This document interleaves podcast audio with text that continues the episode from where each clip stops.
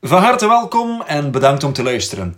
Ik neem jullie enkele duizenden jaren terug mee in de tijd, waarbij het volk van God door slavernij onderdrukt was al jarenlang in Egypte. Het was een machtig groot volk geworden en op een gegeven moment besliste God om tien plagen te sturen naar Egypte. Om hen te laten zien wie de werkelijke God is, namelijk de God van Abraham, Isaac en Jacob, maar ook de God van Mozes en het volk van God Israël. En na het negen plagen kwam de meest verschrikkelijke nacht. Want de tiende plaag, dat zou de dood betekenen van alle eerstgeborenen in Egypte. Stel u voor hoe zoiets verschrikkelijks plaatsvond in die tijd. Ik probeer me dat voor te stellen als vader van twee mooie en lieve dochters hoe dat mevrouw en ik zoveel van hen houden. Dan moet je voorstellen dat de dood zou gaan komen in Egypte voor alle eerstgeborenen. Dat moet verschrikkelijk zijn om dat mee te maken. Dat is trouwens ook hetgene wat God van Abraham had gevraagd om daarin gehoorzaam te zijn en zijn eerstgeboren zoon te offeren. Wat uiteindelijk niet meer nodig was, maar dat er daarin uh, werd voorzien in een ander offer in plaats van zijn zoon zelf. Maar hij wilde zijn gehoorzaamheid zien. Dat is trouwens ook hetgene wat God zelf heeft gedaan, namelijk zijn zoon Jezus gegeven aan de hele wereld. Nu, ik loop al een beetje voor op de feiten. Wat er hier gebeurd is, dat die tiende plaag ervoor zorgde dat alle eerstgeborenen in Egypte zouden gaan sterven. Moet een verschrikkelijke gebeurtenis geweest zijn. Maar het mooie is dat zelfs wanneer God toelaat om het land te treffen met zo'n verschrikkelijke plaag, dat hij zelf al voor een antwoord heeft gezorgd. Dat hij zelf al voor een oplossing zorgt. Want God zelf geeft de opdracht via Mozes aan zijn volk. En hij zegt: Slacht het beste lam en sprenkel het bloed aan uw deurposten. Dan gaat de dood aan jou voorbij. En zo gebeurde het ook. En dit, lieve mensen, dit is de werkelijke betekenis van Pasen, ofwel Pascha of Pesach. Of in het Engels ook zo mooi gezegd, namelijk Passover. Want wat de letterlijke betekenis is, is dit: voorbijgaan. Diezelfde nacht bevrijdde God alle kinderen van Israël op een machtige wijze, want de dood ging aan hen voorbij en ze waren in staat om ook de slavernij te verlaten. Sinds die dag heeft God de opdracht gegeven aan Israël om jaarlijks het Pascha te vieren als een feest en een gedenkteken. Want er staat in Exodus 12, vers 13: En het bloed zal u tot een teken zijn aan de huizen waarin u verblijft. Als ik het bloed zie, zal ik u voorbij gaan. Pascha, Pasen.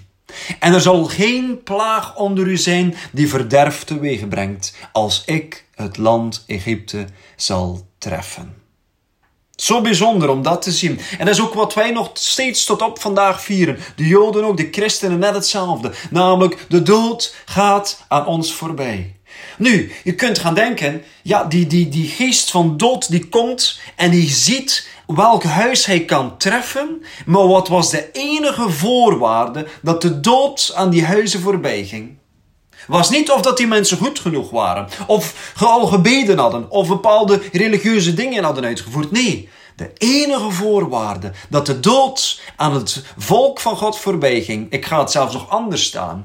Wat is de voorwaarde dat de dood aan jou voorbij gaat?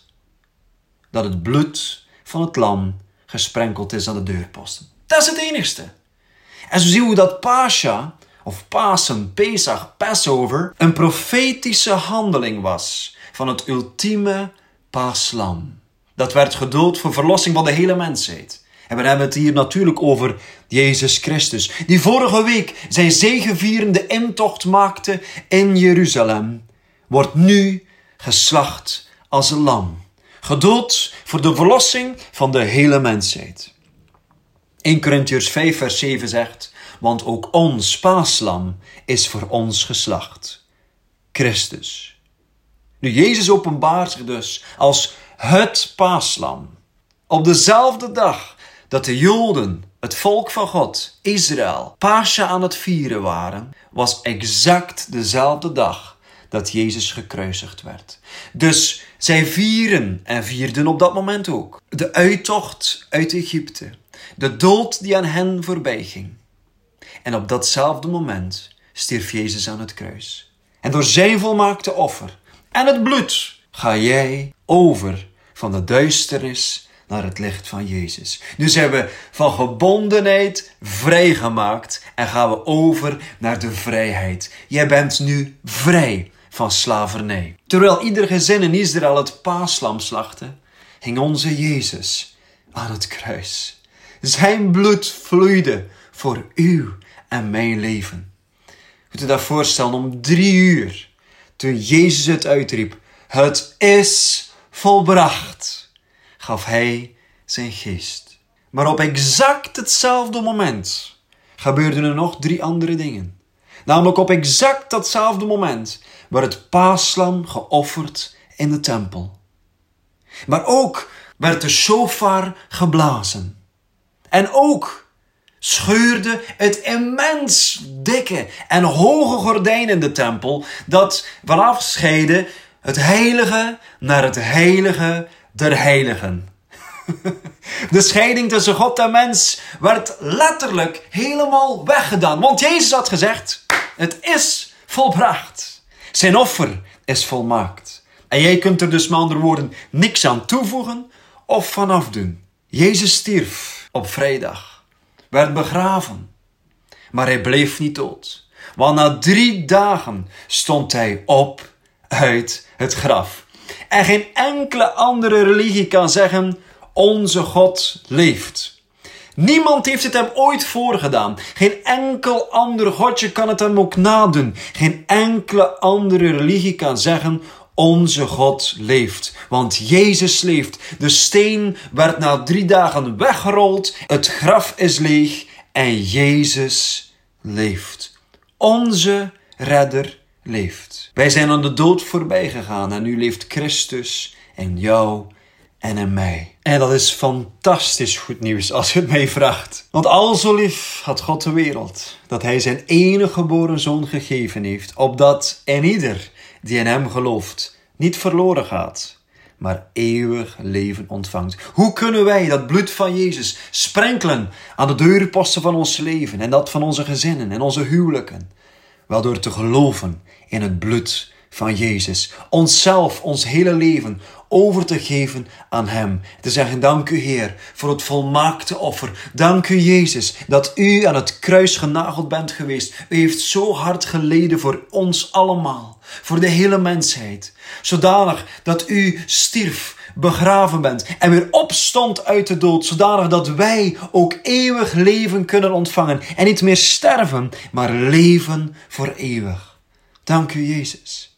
Wel, het paaslam Jezus belooft ons verschillende zegeningen. Ik wil er u zeven meegeven. Zeven zegeningen. Ten eerste, God zal de engel toewijzen aan zijn volk. Dat is wat er staat in Exodus 23, vers 20 en 23. Dat is zo mooi.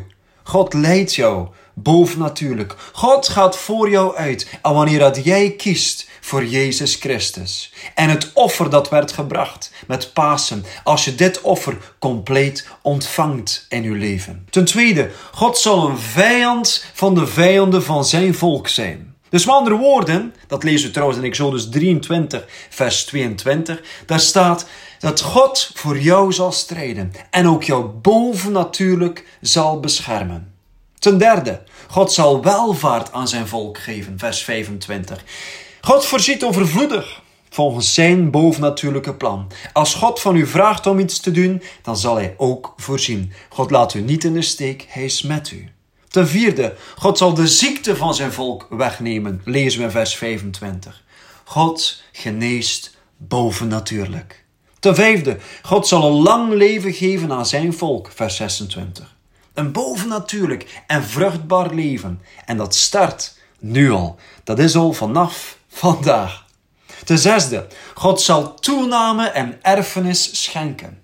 Hij geeft ons die bovennatuurlijke geboorterechten door de dood en het bloed van Jezus Christus en Hij die weer opstond uit de dood. En tot slot, de zevende, God zal een speciaal jaar van zegen geven, wanneer wij Hem volgen. En zo zien we die verschillende zegeningen van het paaslam Jezus. Dus heeft dus niks te maken met de paashaas. We zijn niet alleen maar bevrijd van de zonde en dood, maar God geeft ons ook overvloedig leven dat Hij ons heeft beloofd. En dat is de kernboodschap van Pasen.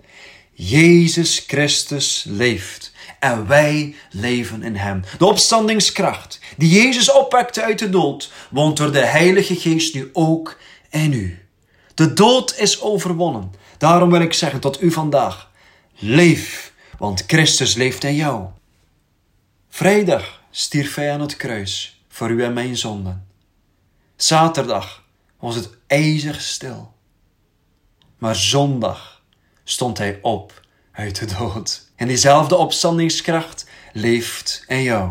Johannes 11, vers 25 en 26. Jezus zei: Ik ben de opstanding en het leven. Wie in mij gelooft, zal leven. Ook al is hij gestorven. En ieder die leeft en in mij gelooft, zal niet sterven in eeuwigheid. Gelooft u dat? zegt de Johannesbrief. Gelooft u dat? Dat Jezus Christus de opstanding is in het leven. En dat wie in Hem gelooft ook zal leven. Leef in Jezus' naam. Amen.